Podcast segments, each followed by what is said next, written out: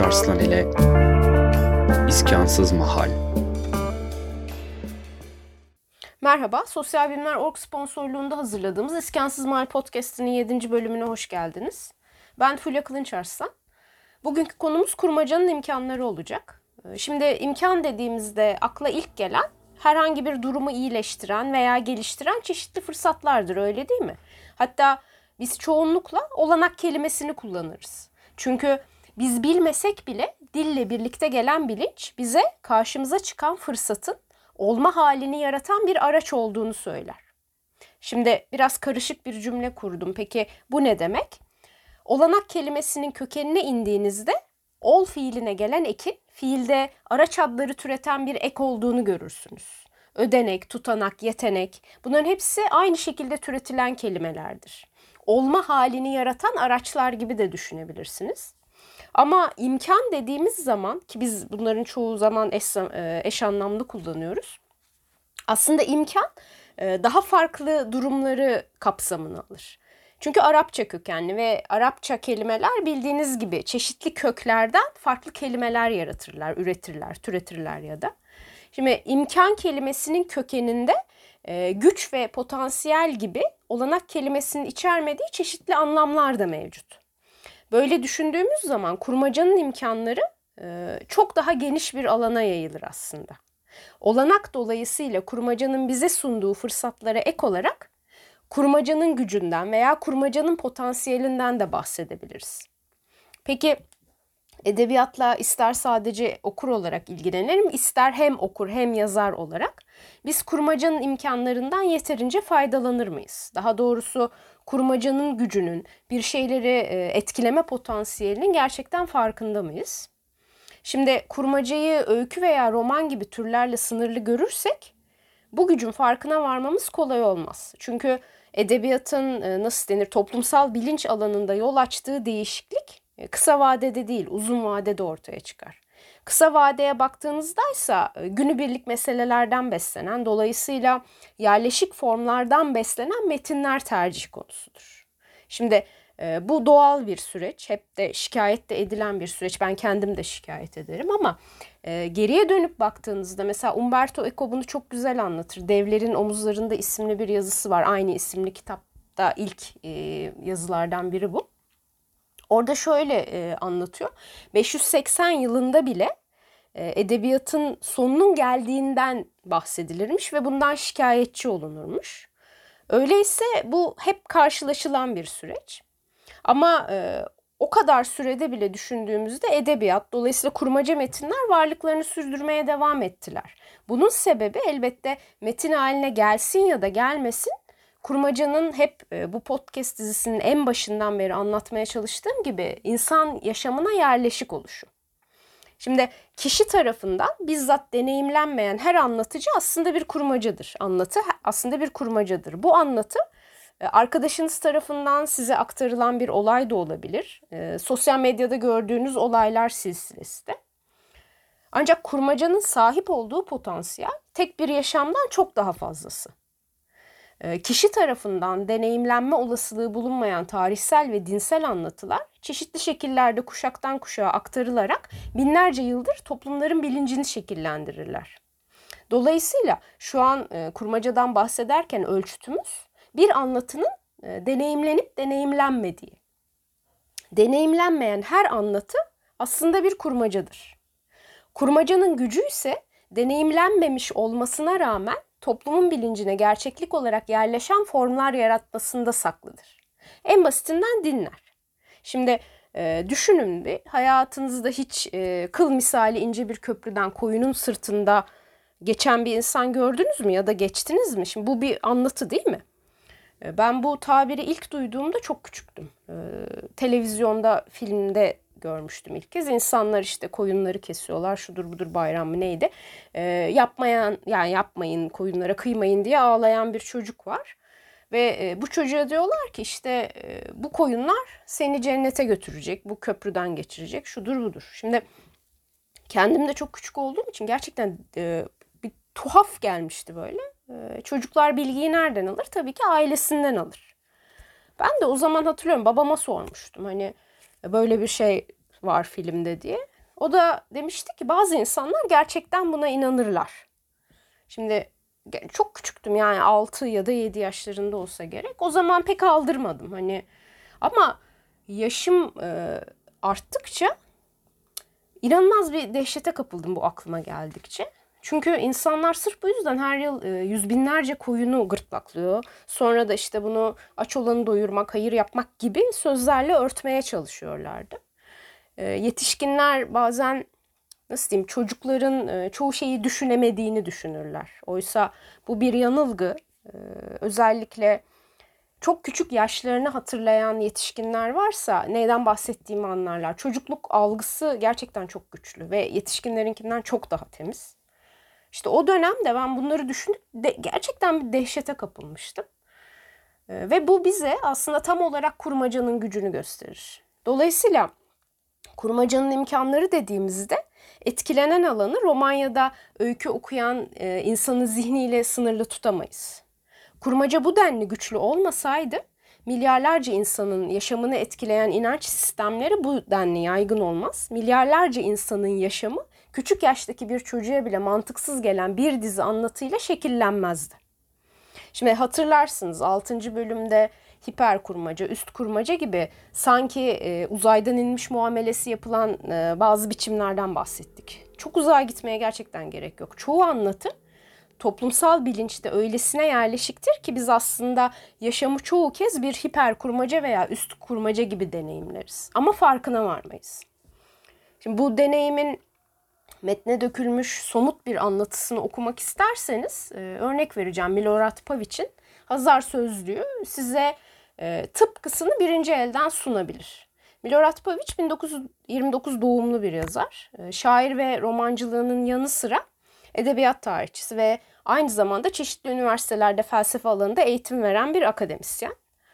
E, şimdi Nabokov okurun e, bir metni okurken yeniden ürettiğini ya da yeniden yarattığını söylerken Pavic yazarların yüzyıllardır çeşitli biçimlerde yazdığını ancak okurun hep aynı biçimde okuduğunu ifade eder. Bu iki görüş birbirine zıt görünse de e, baktığımızda Nabokov içerikten bahseder, Pavic ise biçimden. Dolayısıyla Nabokov e, görünüşte biçime dokunmaz ancak metinlerin içerisine anı, rüya, sanrı mesela ne diyelim vizyon gibi başka gerçeklikler içeren kurmaca parçaları yerleştirerek insan bilincinin alışık olduğu kronolojiyi metnin içinde adeta yıkıma uğratır. Pavic ise aynısını biçimle yapar. Mesela Milorad Pavic'in romanlarından biri çapraz bulmaca şeklinde yazılmıştır. Başka bir romanındaki kurgu Tarot'un Majör Arkana dizisine göre oluşturulmuştur. Ya da e, Rüzgarın Tersi var mesela şu an aklıma gelen. Çift yönlü okunan bir kitaptır. Yarıya kadar okursunuz biter. Ardından e, kitabı gerçekten ters çevirirsiniz ve bu sefer de okumaya öteki taraftan başlarsınız. Ama e, bambaşka bir açıdan adeta tersinden anlatılır olaylar. E, bugün bahsetmek istediğim ise Hazar Sözlüğü. Bu sözlük formunda yazılan bir roman. Olay örgüsünü kısaca aktarayım. Hazar Kağan'ı e, yorumu imkansız bir rüya görür ve kendisine yardımcı olmaları için üç dinin temsilcilerini saraya çağırarak e, onlardan rüyasını yorumlamalarını ister. En ikna edici yorum, yorumu sunan temsilcinin mensup olduğu din Hazarların dini olarak seçilecektir. Bundan sonra e, yaşananlarsa işte üç ayrı kitap halinde, üç farklı dinin temsilcilerinin bakış açısıyla sözlük biçiminde aktarılır. Yani tek kitap içerisinde üç farklı fasikül var gibi düşünebilirsiniz bunu. Ve her biri e, bir dinin temsilcisi tarafından aktarılıyor. Ve hepsi maddeler halinde. Şimdi e, burada karşımıza şöyle bir soru çıkıyor aslında. Bahsettiğimiz metin sadece bir kurmaca mı? E, olayları kurmaca haline getiren bir sözlük mü? Yoksa e, ansiklopedik yapıya sahip gerçek bir tarih anlatısı mı? Şimdi biraz e, araştırma yaptığınızda çeşitli verilere ulaşabiliyorsunuz. Mesela Hazarlar alanında çalışma yapan Peter Golden, Hazar sözlüğünün tarihsel bir roman olmadığını belirtir. Ama metin sahip olduğu biçime rağmen bir sözlük olarak da kabul edilmez. Çünkü e, biliyoruz sözlükler bilgi edinme maksatlı okunurlar. Oysa Hazar sözlüğündeki bilgiler kurmaca. Üstelik kitap gerçekmiş gibi davranmıyor. Yani aktardığı bilgilerin gerçekliğine dair sürekli şüphe yaratıyor. Örneğin Hazarlardan e, nasıl bahsettiğini anlatayım. Efsanelerde ya da hayallerde yer alan bir topluluk gibi. Oysa Hazarlar gerçekten tarihte yer alan bir topluluk. Şimdi e, sırf bu sebepten bile Hazar sözlüğü kurmaca ile gerçeğin nedenli iç içe geçebildiğini görmek için gerçekten çok iyi bir metin. Yani okumak kolay değil. E, onu en baştan söyleyeyim. Çünkü e, olay örgüsü kronolojik değil. Yani insan algısının alışık olduğu sebep sonuç ilişkilerini anında kurmanıza imkan yok. E, bir anlamda gördüğümüz rüyalara benziyor. Yani sözlük okuma alışkanlığınız varsa kolay okursunuz ya da ansiklopedi okuma alışkanlığınız ama bunlara alışık değilseniz biraz güçlük çekebilirsiniz.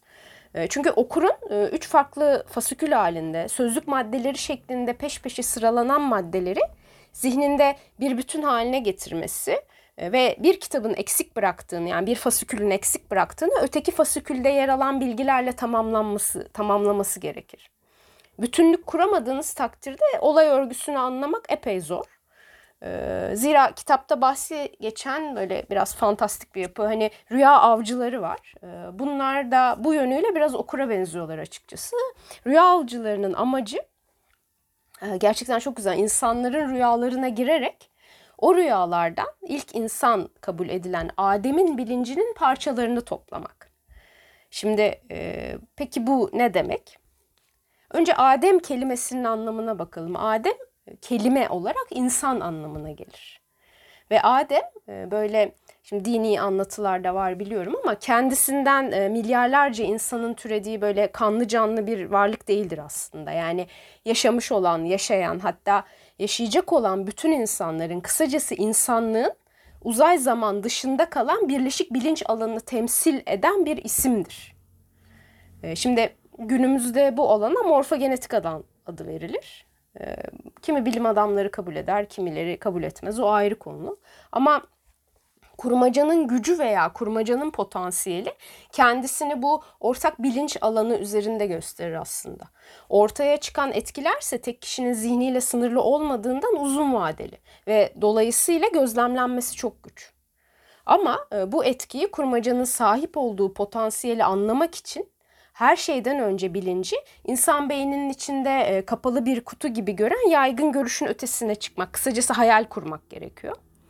E, günümüzde baktığımızda kabaca ifade edersek buna karşı gelebilecek iki grup düşünce biçimi var. İşte bunlardan biri e, bilim tarafından kanıtlanmayan her şeye saçmalık gözüyle bakan ısrarcı bir grup.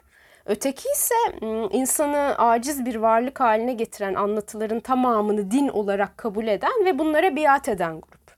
Şimdi bu kutuplaşmayı düşündüğümüzde elbette yeni bir şey değil. Yani bin yıllardır hep aynı sınırların içinde kalıp kendisine duvar ören ve e, nasıl diyeyim hiçbir surette nihai bir çözüme ulaşamayan tartışmalar süre gidiyor ve bunların çoğu savaş ya da kıyımla sonuçlanır. Yani netice yine koca bir hiçlik, hiçbir şey değişmez. Çünkü kapalı bir kutunun içinde yaşarsanız asla çözüm üretemezsiniz.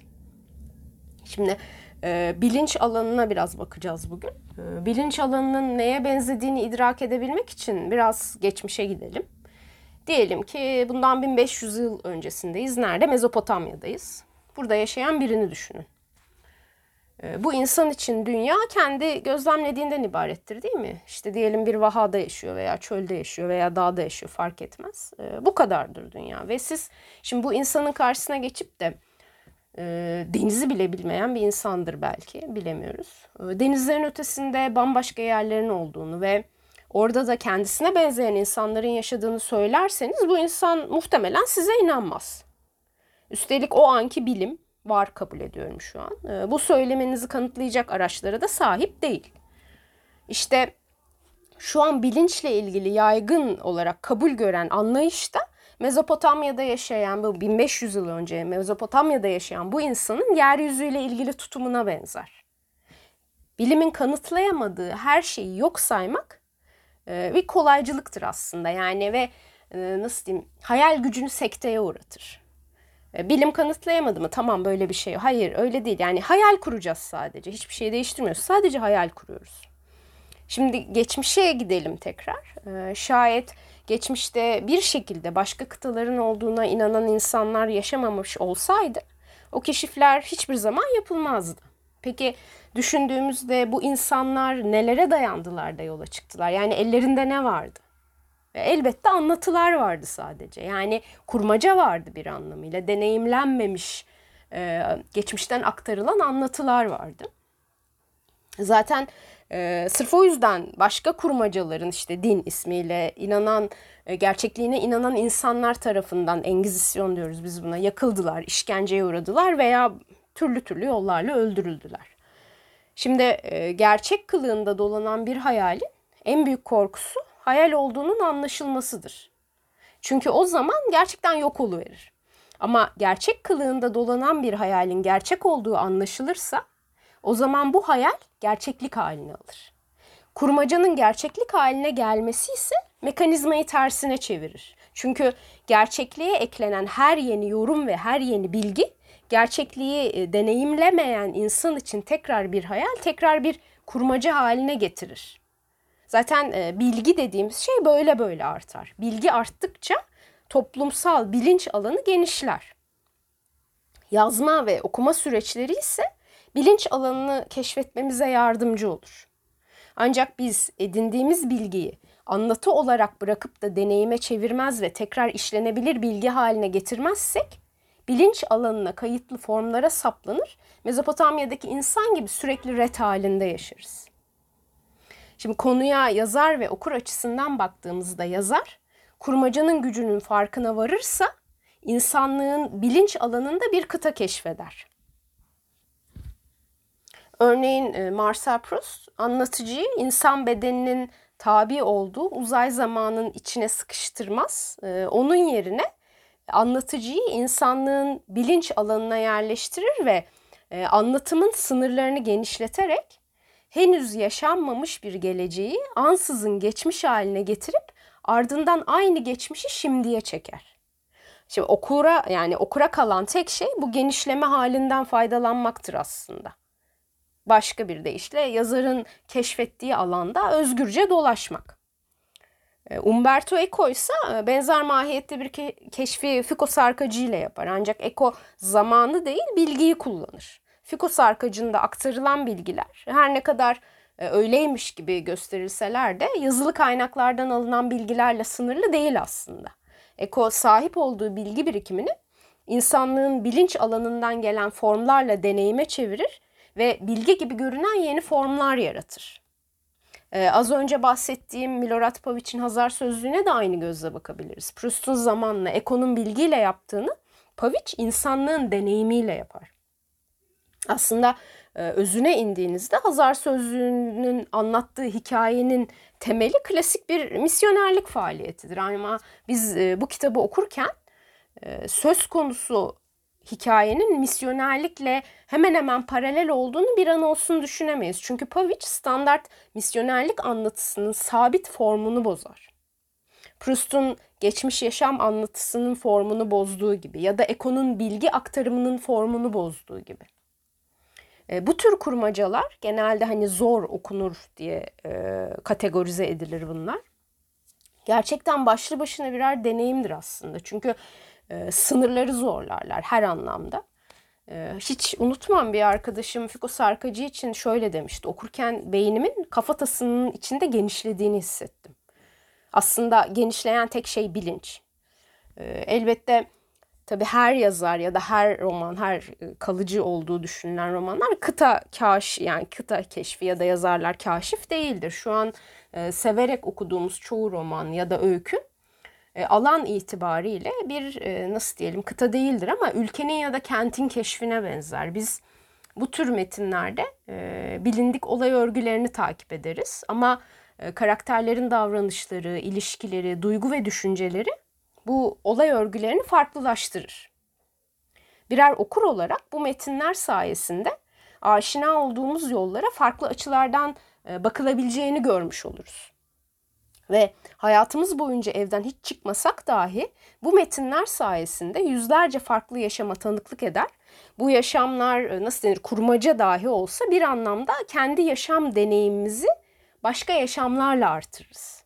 Tabii bunların hepsi nasıl diyeyim fark edilmeden olan süreçler. Yani deneyim kadar e, gerçekçi değildir bu görüntüler ama bir şekilde bizim bilincimize işlerler. Özellikle küçük yaşta okunanlar. Ama e, kimi zaman yazarlar sadece düşünsel deneyimlerle bu bilinç alanını genişletirler. Alan açısından düşündüğümüzde bu e, ne diyelim belki eve ya da hatta tek bir odaya tekabül eder. Hareket kısıtlıdır. Dolayısıyla olay örgüsü genellikle karakterlerin geçmişe dönük anımsamalarından veya belli olaylara ilişkin izlenimlerinden oluşur. Ee, yazmakla ilginiz olsun ya da olmasın. Ee, özellikle şu an mesela bunu dinlerken kapalı bir alandaysanız bulunduğunuz mekanda şöyle bir bakın. Hiç dışarıya çıkmadan, hiç insan görmeden farklı neler anlatabilirsiniz. İşte bana kalırsa e, e, şey kurmacanın gücü kurmacanın potansiyeli kendisini e, en çok dört duvar içerisinde gösterir. Çünkü karakterleri fiilen hareket ettirmeden onlara kendi düşünceleriyle hareket kazandırmak ve e, nasıl diyeyim bu hareketlerden birer olay örgüsü oluşturmak bildiğimiz türde zincirleme olay örgüsü oluşturmaktan çok daha zordur. Tekrar soruyorum yani dört duvarın içindesiniz. Okura farklı neler aktarabilirsiniz? Mesela ben şu e, oda tabirini bugün farazi olarak kullandım ama Semih Gümüş e, yalnızlık kime benzerdi? Karakteri gerçekten dört duvar içerisine yerleştirir. Metni okurken hem karakterin odadaki sıkışmışlığını hissedersiniz hem de o sıkışmanın bilinçte yol açtığı genişleme halini deneyimlersiniz. Çünkü kurmacanın alanı karakterin geçmişiyle, karakterin onlarca farklı yazarla girdiği hayali diyaloglarla ya da o yazarlara ilişkin anımsamalarıyla genişler. E, bunun bir benzerini Burhan Sönmez İstanbul İstanbul'da karakterlerin geçmişiyle sınırlı olarak yapar. Metni okurken hem cezaevinden hiç çıkmazsınız hem de zamanda ileri geri hareket ederek sürekli cezaevinin dışında dolanırsınız.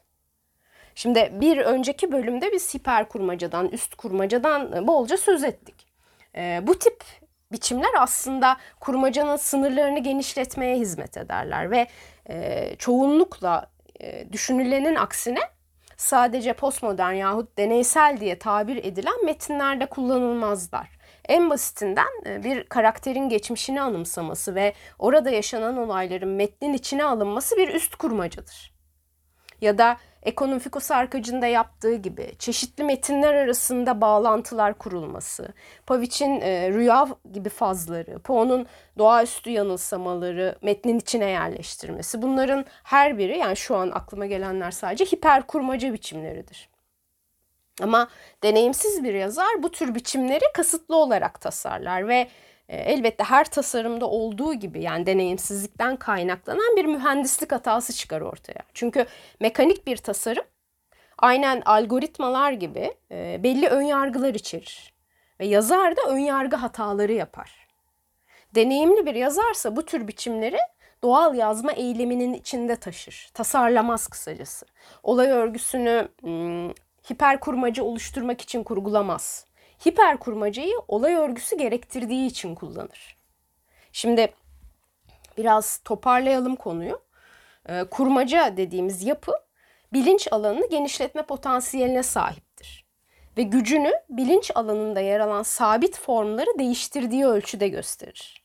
Nasıl ki bir oda bir evin içindedir, bir ev bir sokaktadır, bir sokak bir kentte, bir kent bir ülkede ve bir ülke bir kıtadadır.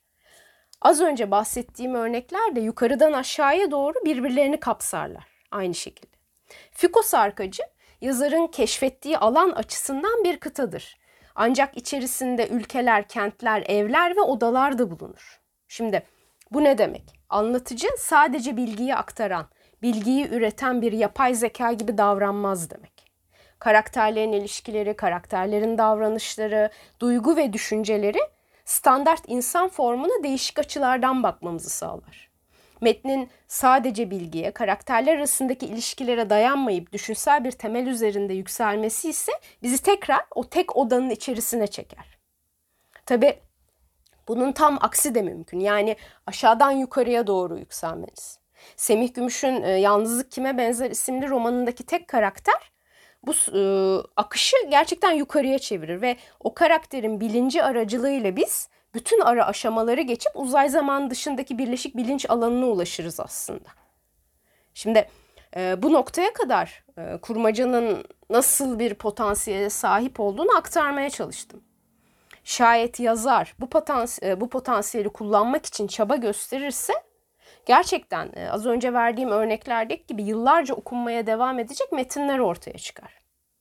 Ama yazar bu konuda isteksizse ve e, gerçekten burası çok önemli. Yani yazar olma arzusu, yazma arzusunun önüne geçerse ortaya çıkan metnin tek marifeti toplumun bilinç alanında yer alan sabit formları yinelemek olur. Basit bir örnek daha vereyim. Mesela toplumun bilinç alanına değersizlik hissi sabit bir form olarak yerleşmişse farklı bakış açıları geliştiremeyen bir yazar metinlerinde sürekli değersizlik hissinin çeşitli varyasyon varyasyonları olan niteliklere sahip tipleşmiş karakterler ve bu hissi destekleyen ya da oluşturan olay örgüleri kullanır. E, hepimiz biliyoruz. Ben e, ilk 6 bölümde de sürekli yineliyorum. Yani bunların artık e, aşılması gerek, başka şekillere evrilmesi gerek diye. Nedir bu tipler? İşte mağdur kadın, zavallı çocuk, acımasız erkek. En standart formlar. En azından Türkiye'deki son 2-3 yıllık edebiyat içerisinde. Ve Bunları söylediğinizde de genelde şöyle bir tepki alırsınız. Önceden de bahsetmiştim. Ama bunlar hayatın gerçekleri. Gerçekleri görmezden mi gelelim? Şimdi şöyle demek istiyorum açıkçası. Hayır, kör kalmayı tercih ettiğiniz gerçeği görün. Çünkü insan düşüncesi neyse odur. Örneğin e, Nabokov'dan bahsedeceğim biraz. Yani mülteci dendiğinde aklınıza ne gelir? Böyle sınırlarda biriken çoğu sefalet içerisinde yüzlerce insan değil mi? Doğal olarak. Çünkü e, haber yani ana akım olsun, sosyal medya olsun, alternatif medya olsun bize bu görüntüleri veriyor şu an. Ama kurmacayla uğraşan bir yazarsanız bu görüntülerin dışına çıkmanız şart. E, mülteciye tek taraftan bakmak yani siz bir haber ajansı değilsiniz ya da haber üreten bir organ değilsiniz. Mülteciye tek taraftan, tek yönden bakmak gibi bir şansınız yok. Şimdi biliyorum mağduriyet ve sefalet yüzlerce yıldır gündelik ölçekte prim yapan meseleler. Ama bu meseleler söz konusu meseleler söz konusu edebiyatsa, kurmacaysa bir anda yok olurlar. Uzun vadeden bahsediyorum. Şimdi e, bir yazar sürekli böyle mağdur mülteci hikayeleri aktararak e, sosyal medyanın ışıltılı vitrininde kendisine yer bulabilir ama edebiyatın zihninde kalıcı bir yer edinemez. Mesela e, fark etmişsinizdir okuduysanız Nabokov'un neredeyse bütün kahramanları mültecidir, iltica etmişlerdir bir şekilde. İşte kimi sınır dışı edilir, kimi kaçar. Ama Nabokov'un metinlerinde okuduğumuz olay örgüleri mağduriyet destanı niteliği taşımaz. Bunun yerine Nabokov ne yapar? Formları bozar. Bahsettiğim bu bilinç alanında yer alan sabit şablonları yıkar. Ee, okurun alışık olduğu mağdur mülteci şablonu, tablosu orada ters yüz olur. Çünkü Nabokov kimseyi umursamaz, alkış beklemez, satış rakamlarının peşine düşmez. Sadece yazar. Ee, zaten aynen işte Proust gibi, Joyce gibi Nabokov'un da metinleri en başta yayın evleri tarafından kabul edilmemiştir. Kabul edildikten sonra yani yayımlandıktan sonra da e, gerek okurlar gerekse e, eleştirmenler tarafından anlaşılmaz, saçma gibi e, tabirlerle nitelenmiştir. Çünkü doğruya doğru hiç kimse karşısında e, güçlü hatta entelektüel bir mülteci karakteri görmek istemez. E, Türkiye'ye baktığımızda bunun e, eşleniği ne? Şu an kimse güçlü bir kadın karakter veya zayıf bir erkek karakter görmek istemiyor değil mi? Görmek isteseydi biz metinlerde bunu okurduk. Kısacası toplum kurmaca içinde dahi olsa kendi ezberini bozan karakterlerden pek hoşlanmaz. Şimdi e, Türkiye ile sınırlı olarak konuşuyorum şu an. Kadın tarafından taciz edilen bir erkeğin hikayesi saçmalık ya da komedi olarak adlandırılır erkek tarafından taciz edilen kadının hikayesi ise gerçek. Oysa e, cidden gerçek hayata baktığınızda ki ben bunu mesleğim dolayısıyla biliyorum. Her gün e, yüzlerce erkek kadınlar tarafından taciz edilir. Ama e, bu yapı toplumun bilinç alanında yer alan taciz şablonuna uymadığı için öylesine olasılık dışıdır ki erkeğin kendisi bile şayet yetişkinse tacize uğradığını fark etmez. E, Nabokov'un e, mültecileri de benzer biçimde olasılık dışıdır. Ve okur, bunu bütün dünya için söylüyorum. E, işte diyelim ki Dostoyevski'nin insan davranışını, insan psikolojisini birebir yansıtan karakterlerini her zaman Nabokov'un böyle tuhaf addedilen karakterlerine karşı tercih eder. Dostoyevski'nin karakterlerini anlamak çok daha kolaydır çünkü. Mevcut şablona uygundur bunlar. Yani beklenmeyen bir davranış göstermez. Psikolojileri de beklenenle eştir. Şimdi e, en güzel mülteci karakteri benim sevdiğim Solgun Ateş'tedir. Yani ilk yayınlandığı dönemde eleştirmenler tarafından bu metin gerçekten saçmalık olarak nitelenmiştir. Ama şu an baktığınızda tam aksine bir görüş yaygın hiper kurmaca örneği olarak görülüyor ve e, el üstünde tutulur. Çünkü e, İngiliz ya da Amerikan edebiyatı solgun ateşi mülteci odağında değerlendirmekten vazgeçmiş. Metne nasıl denir daha yukarıdan çeşitli olasılıklar dahilinde bakmaya başlamıştır. Biraz e, solgun ateşin neyden bahsettiğini de aktarayım. E, solgun ateşin kahramanı Charles Kimball, Zemla isimli bir ülkenin sürgündeki kralı. E, John Francis Shade isimli bir şairden bahsediyor sürekli ve bu şaire ait olduğunu söylediği 999 e, dizelik e, şiiri aktarıp bu şiirle ilgili çeşitli açıklamalar yapıyor. Metnin belli bir noktasında okur Kimbot'un kendisiyle ilgili gerçeklerden şüpheye düşmeye başlar. Çünkü hayal meyal de olsa Novozemla'dan gelen Botkin isimli Rus bir mülteciden bahsedilir. Ee, ve çeşitli sorular işte arka arkaya sıralanır. Yani okumayı bırakmazsınız. Şair kimdir? Hmm, örneğin şaire ilişkin bilgileri aktaran ve açıklamalar yapan Charles Kimbot gerçekten sürgündeki Zembla kralı mıdır? Yoksa Kimbot Shade isimli bu şairi kendi hayalinde yaratmış ve e, onun arkasına gizlenerek kendini mi anlatmıştır? Şayet böyleyse anlattığı kimdir? Kendisinin kral olduğuna inanan kaçık bir mülteci mi yoksa sırasıyla şair ve mülteci kimliklerinin ardına gizlenen bir kral mı? İşte kurmaca içerisinde kurmaca. Burada ne olur? Tercih okura kalır. Nabokov hep bunu yapar. Zaten e, metinlerinin zor okunur olarak nitelenmesinin en büyük sebeplerinden biri de bu. Tercihi okura bırakır.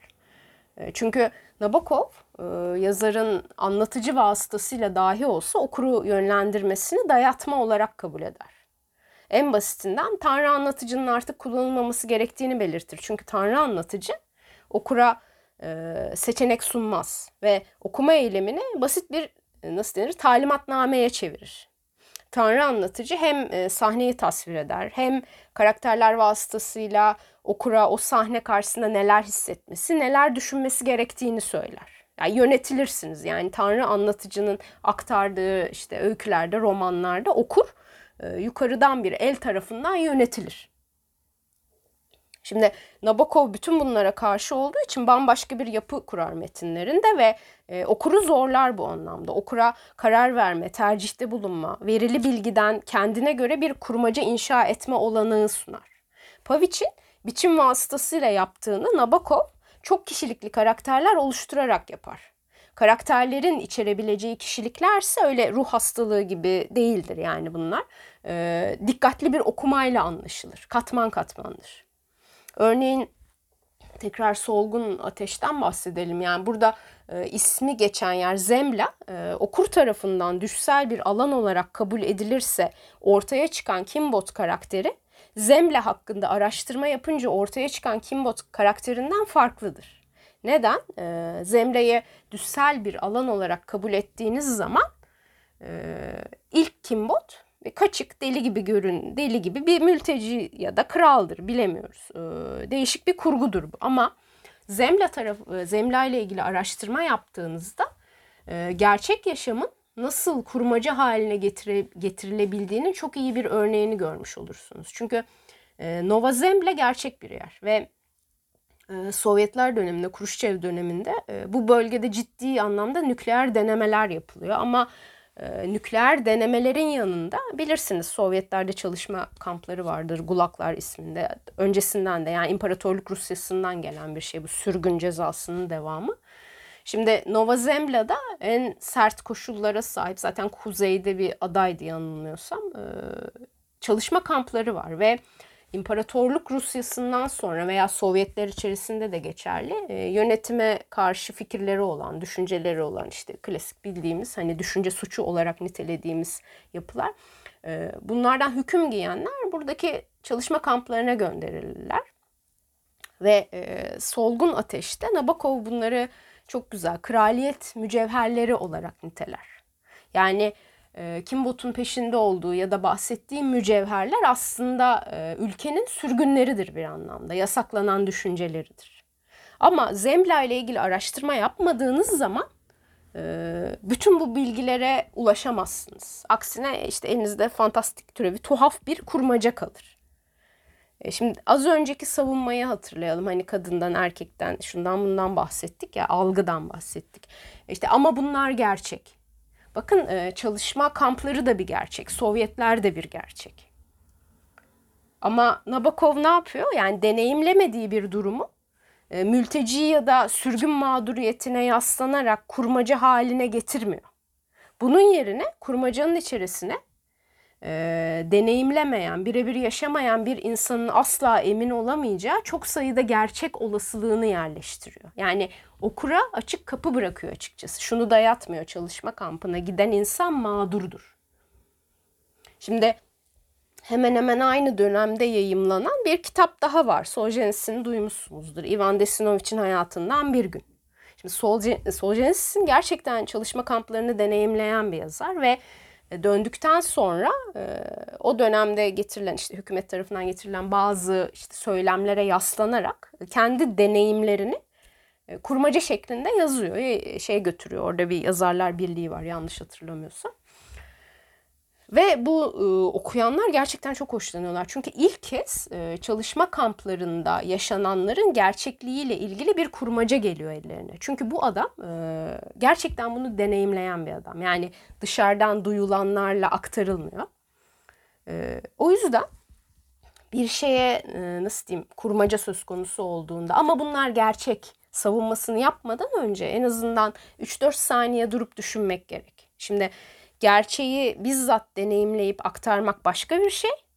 Deneyimlenmeyen bir gerçeği hayal gücünün hiçbir müdahalesi olmaksızın işte günümüz için söylüyorum sosyal medyanın standart kalıpları üzerinden aktarmak başka bir şey. E, sonuç itibariyle e, kurmaca bilinç alanını genişletmek gibi bir potansiyele sahip. Ama e, yazar kendini geliştirme ihtiyacı duymaz ve tek yanlı bakış açısını edinip sabit formları yinelemeye devam ederse kurmacanın böyle bir işlevi zaten kalmaz. Gücü de kalmaz, potansiyeli de kalmaz. Ne olur? Tekrar mekanizması, alkış mekanizması haline gelir.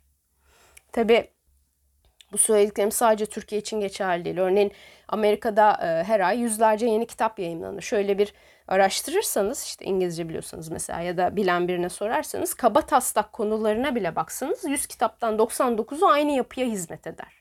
Bu, bu yapılardan bahsetmeye gerek yok. Yani Amerikan toplumunun kalıplarına hizmet eder. Hani hep söylüyoruz ya başka bir dünya mümkün, başka bir hayat mümkün diye. Ama şimdi bu başka dünyalar ya da başka hayatlar öyle kendiliğinden ortaya çıkan cennetler değil. Nasıl ki kendiliğinden kıyamet bir anda kopmaz, kendiliğinden cennet de ortaya çıkmaz. Her şeyden önce toplumsal bilinç alanına yerleşen sabit düşünce formlarının değişmesi gerek. Tabi bıraktığım kişinin kafa yorup da olaylara farklı açılardan bakabilme kabiliyeti kazanmasını, ülkenin edebiyatı bile bu sabit formlardan beslenirse hiçbir şey değişmez. Şimdi buradan nereye geleceğim? Hep en baştan beri söylüyorum. Belki kadın olduğum için ve bu konudan rahatsız olduğum için dile getiriyorum. En basitinden e, mağdur kadın hikayeleri yazmaya, okumaya, yayımlamaya, bunları işte ne diyeyim ödüllere boğmaya devam ettiğiniz sürece kadın e, mağdur olarak kalmaya devam eder. Bu işte tek kabahatin yazarlarda diyelim işte eleştirmenlerde, yayın evlerinde olduğu anlamına gelmez. Bu bir düşünce formudur ve kurmaca düşünce formları üzerinde doğrudan bir etkiye sahip. Siz fark edin ya da fark etmeyin. Şimdi siz bunu e, kitaplarda yapıyorsunuz. E, yayınlanıyor, okunuyor, şudur budur fark etmez. Ee, sonra ne oluyor? Senarist, yönetmen, yapımcı aynısını sinema ve dizilerde yapıyor.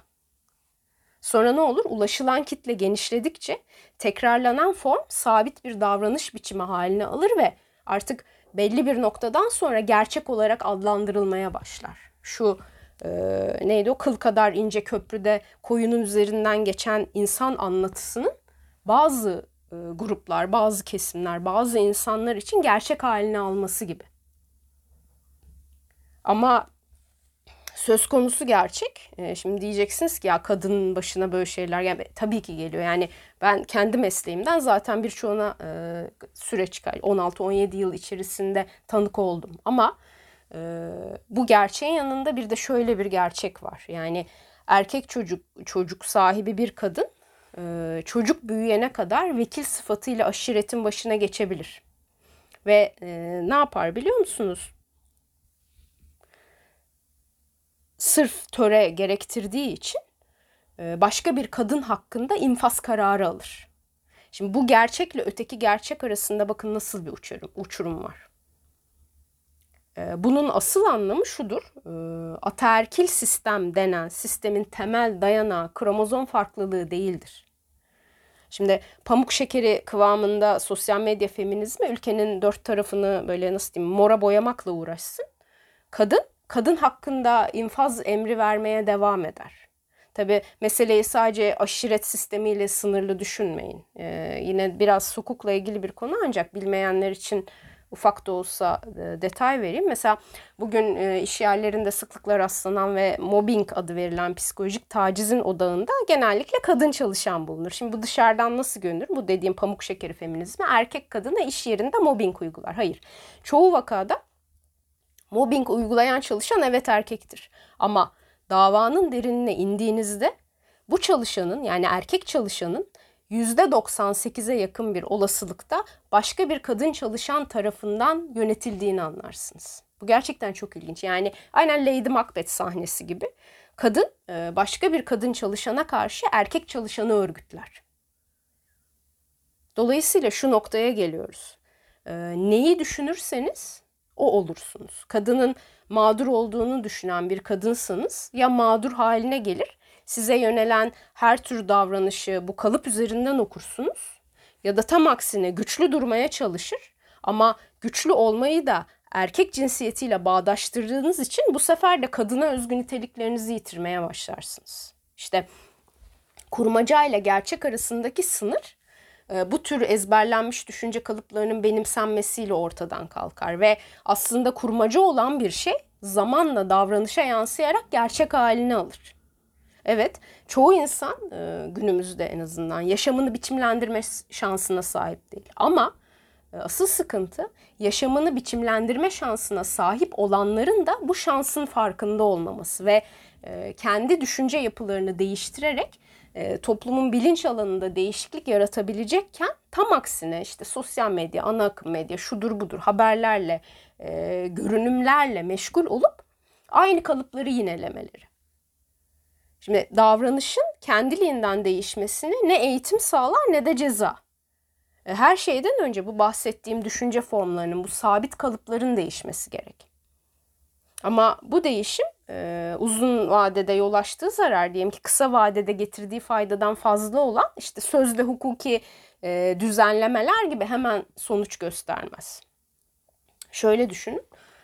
Yazarın yeni bir dünya inşa etmesi için geçen süre yıllarla ölçülür. Bütün insanlığı yazar olarak tasvir ederseniz insanlığın yeni bir dünya inşa etmesi için geçen süre ise yüzyıllardır. E, şimdi umarım anlatabilmişimdir.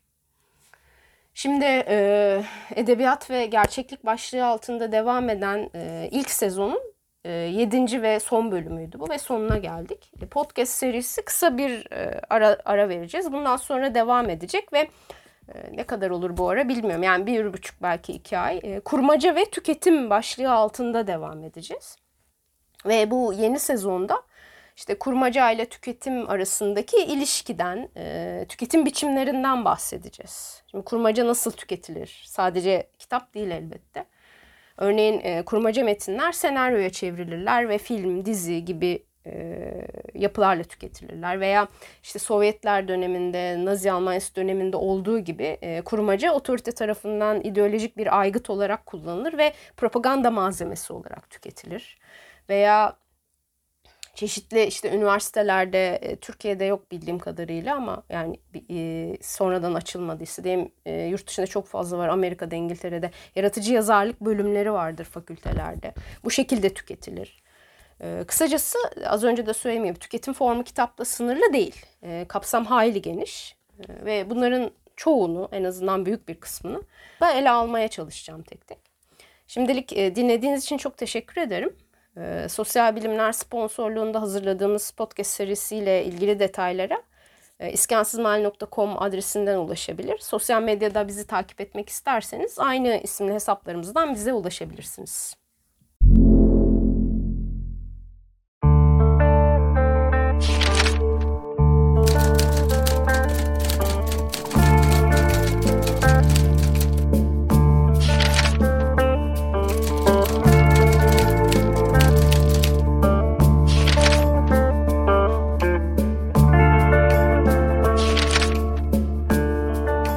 Fulya Kılınç Arslan ile İskansız Mahal